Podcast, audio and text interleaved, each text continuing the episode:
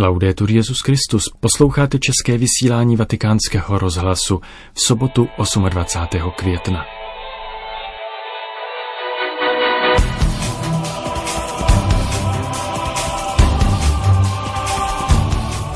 Dnes pro vás máme autorský komentář Petra Muchy, který autor nazval Evropa jako duchovní úkol. Milí posluchači, za měsíc na sebe převezme Česká republika velmi zodpovědný úkol. Předsedat největšímu demokratickému společenství na světě. Na půl roku bude předsedající zemí Evropské unie, respektive Rady Evropské unie. Stane se tak v nelehké době ruské agresivní války ve východní části Evropy a v období, kdy stále řešíme následky pandemické krize. Tento úkol a odpovědnost na sebe nebere jen naše vláda, ale do jisté míry celá společnost, my všichni. I proto je na tomto místě užitečné zamyslet se nad duchovními souvislostmi této skutečnosti. Zajímavou spojitost nám nabízí již liturgické čtení ze sedmé neděle velikonoční. První čtení pojednává o umučení Štěpánově, který je za své statečné vyznání Krista kamenován. Když umírá, v modlitbě odpouští svým vrahům, mezi nimiž byl i mladík jménem Šavel, významný a horlivý pronásledovatel církve. Papež František v promluvě na svátek svatého Štěpána v roce 2015 poukázal na to, že Šavel brzy poté prožil obrácení a stal se Pavlem, Kristovým učeníkem a pozdějším apoštolem národů. Podle Františka mělo Štěpánovo odpuštění zásadní vliv na proměnu Šavla v apoštola Pavla, který se postupně stal jedním z klíčových nástrojů při rozšíření církve do celého tehdy známého světa. Skrze vliv na Pavlovu konverzi Jakoby Štěpánovo odpuštění otevřelo dveře pro zrození univerzality církve, jejíž evangelium se stalo pojivem rozmanitých kultur, národů a ras. Odpuštění a smíření vždy mění duchovní realitu a dává prostor ke zrodu něčeho nového, ke zblížení a sjednocení. V tomto smyslu můžeme interpretovat i kořeny evropské integrace, postupně vedoucí k existenci dnešní Evropské unie. Její počátky pramení v bolestném procesu odpuštění a smíření po druhé světové válce. Na rozdíl od předválečného postoje křivdy a touhy po odplatě tentokrát zvítězil princip smíření. Podaná ruka k odpuštění a spolupráci umožnila vytvořit atmosféru, v níž bylo možné nejen nové soužití dosud z nepřátelených národů, ale dokonce i vznik nové reality, rodiny evropských národů. Stojí za připomenutí, že na počátku tohoto procesu stála řada vynikajících křesťanských osobností v čele s Robertem Schumannem, které měly zásadní podíl na tom, že se duchovní hodnoty smíření, odpuštění a solidarity dostali do popředí společenských procesů té doby. Navázali tak na mnoho velkých postav církevní historie, včetně patronek a patronů Evropy, které vtiskly do jejich duchovních dějin hodnoty Evangelia. Tuto skutečnost vyzvedl i papež František v roce 2016 při převzetí ceny Karla Velikého. Ve svém projevu při této příležitosti uvedl, že po letech tragických konfliktů, které vyvrcholily ve nejhruznější válce, kterou svět pamatuje, povstalo z boží milosti co si zcela nového, co nemá v dějinách obdoby. Popel trosek nemohl uhasit naději a hledání solidarity, jež planuli v srdci otců zakladatelů evropského projektu. Ti položili základy této pevnosti míru, stavby sestávající ze států, které nejsou spojeny násilím, nýbrž svobodnou volbou společného dobra, v níž se navždy vzdali vzájemné konfrontace. Po mnoha konfliktech Evropa konečně znovu nalezla sebe sama a započala s budováním svého domu. Konec citace.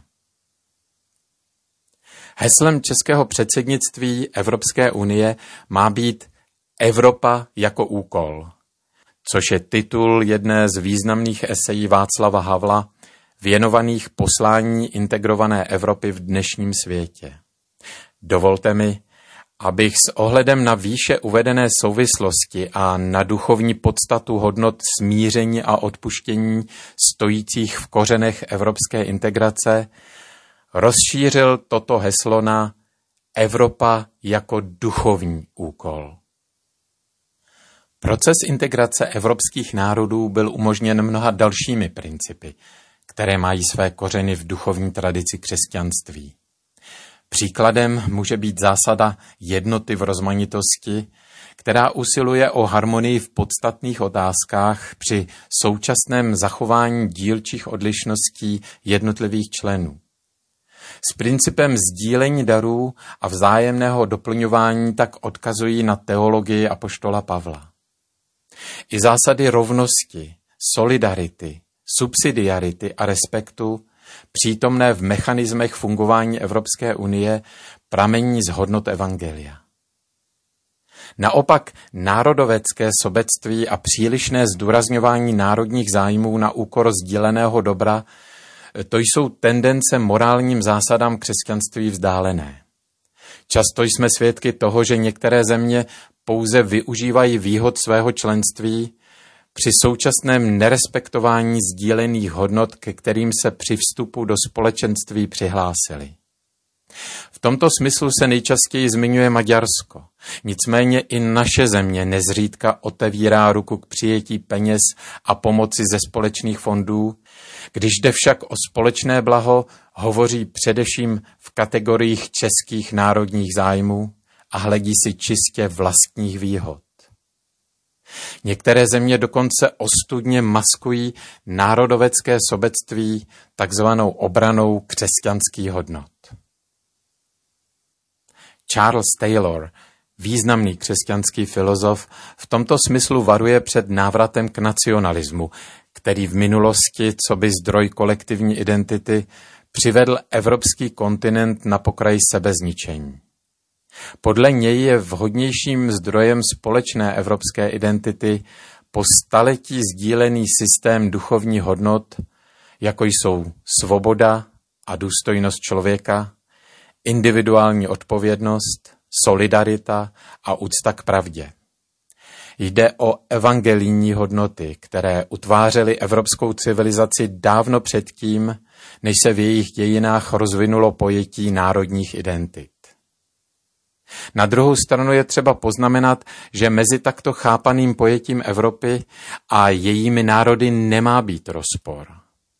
Již zmíněný Václav Havel hovořil o různých úrovních identit, které se vzájemně doplňují a navazují na sebe.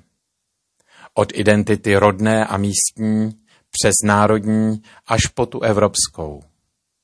V tomto smyslu tvoří evropské národy skutečnou rodinu, kde národní identita je jako křestní jméno a evropská identita je jako příjmení. Evropská unie nemá zůstat pouhým hospodářským projektem zaměřeným čistě na ekonomický prospěch. Vize evropské integrace, jejímž hnacím motorem by byly pouze ekonomické výhody a blahobyt, by byla slabá a nedostatečná. Evropská unie má být především společenstvím sdílených hodnot. K tomu vyzval již papež Jan Pavel II. ve svém projevu k Evropskému parlamentu v roce 1988 a povzbudil k tomu, aby Evropská unie pokročila od roviny ekonomické spolupráce k větší sounáležitosti duchovní. A po více než čtvrtstoletí papež František na stejném místě připomněl, že jádrem ambiciozního politického projektu Evropské unie byla důvěra v člověka, ne ani tak jako občana a ekonomického činitele, ale v člověka, v muže a ženy jako osoby nadané transcendentní důstojností. Jednou z principiálních hodnot Evropské unie je zásada dialogu. To, co mnozí považují za její slabost, je ve skutečnosti jednou z jejich nejsilnějších stránek. Díky nutnosti neustálého vyjednávání členských států, jednotlivých unijních institucí i politických frakcí rozvíjí Evropská unie větší schopnost dosahování dohody a ve srovnání s jednotlivými státy i větší odolnost před extrémizmy všeho druhu, od pravicového až k levicovému. Z toho pramení i skutečnost, že navzdory mnoha předpovědím o jejím zhroucení během posledních krizí, ať už té finanční, pandemické nebo současné války na Ukrajině, Evropská unie prokázala svou stabilitu a větší schopnost čelit globálním výzvám než jednotlivé státy. Dialogický charakter Evropské unie ocenil i papež František a pozbudil k jeho dalšímu rozvíjení do budoucna slovy Mír bude trvalý do té míry, v níž vyzbrojíme své děti zbraněmi dialogu. Pro deník La Stampa v roce 2019 František dokonce prohlásil Evropa se nemůže a nesmí rozpadnout.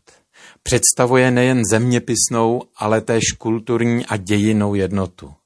Sen otců zakladatelů byl reálný a tuto jednotu se podařilo uskutečnit. Toto bohatství nyní nesmíme ztratit. Konec citace. Projekt Evropské unie má mnoho svých problémů, ale skrze schopnost jejich překonávání neustále prokazuje, že jde o projekt účinný, projekt budoucnosti a projekt prorocký, který nepřestává inspirovat i za svými hranicemi. Nenáhodou pro jeho hodnoty teď trpí a krvácí lidé na Ukrajině. V této válce nejde pouze o konflikt dvou zemí, ale o konflikt dvou společenských a civilizačních vizí. Jedné postavené na sdílených hodnotách a respektu a druhé vyznávající jen brutální hrubou sílu. Milí posluchači, na závěr mi dovolte následující povzbuzení. Stejně jako naše rodiny, místní komunity a stát, je i Evropská unie naše. Je tvořena námi. Není to něco vnějšího, vzdáleného. Jde o společné dílo tvořené každým z nás. I ona bude taková, jak ji budeme spolu utvářet. Současné české předsednictví je v tomto smyslu výzvou, abychom každý svým dílem přispěli k jejímu a tudíž i vlastnímu dobru. Kromě aktivního občanství a rozvíjení výše uvedených hodnot, na nichž projekt Evropské unie stojí, máme ještě jeden velký prostředek. Jako křesťané můžeme přispívat k obecnému dobru mocným prostředkem modlitby, který má potenciál spolu utvářet dějiny mocí Ducha Svatého, jehož svátek seslání brzy oslavíme. I poválečné smíření a odpuštění, které stojí v základech Evropského domu, by nebylo možné bez působení tohoto ducha, který uschopňuje k překonání bariér a rozdělení. V liturgii slova svátku letnic uslyšíme ze skutku apoštolů o tom, jak zástupci rozmanitých národů žasnou nad působením ducha, v němž nacházejí společné dobro, jak partové, médové, elamité, obyvatelé Mezopotámie, Judska a Kapadokie, Pontu a Ázie a všichni ostatní nacházejí jednotu a porozumění. Modleme se za to, abychom působením Ducha Svatého my Češi, Němci, Poláci, Francouzi, Maďaři, Italové a všichni ostatní členové Evropské rodiny národů nacházeli stále větší porozumění, jednotu a vůli ke spolupráci. Pro českou sekci vatikánského rozhlasu Petr Mucha.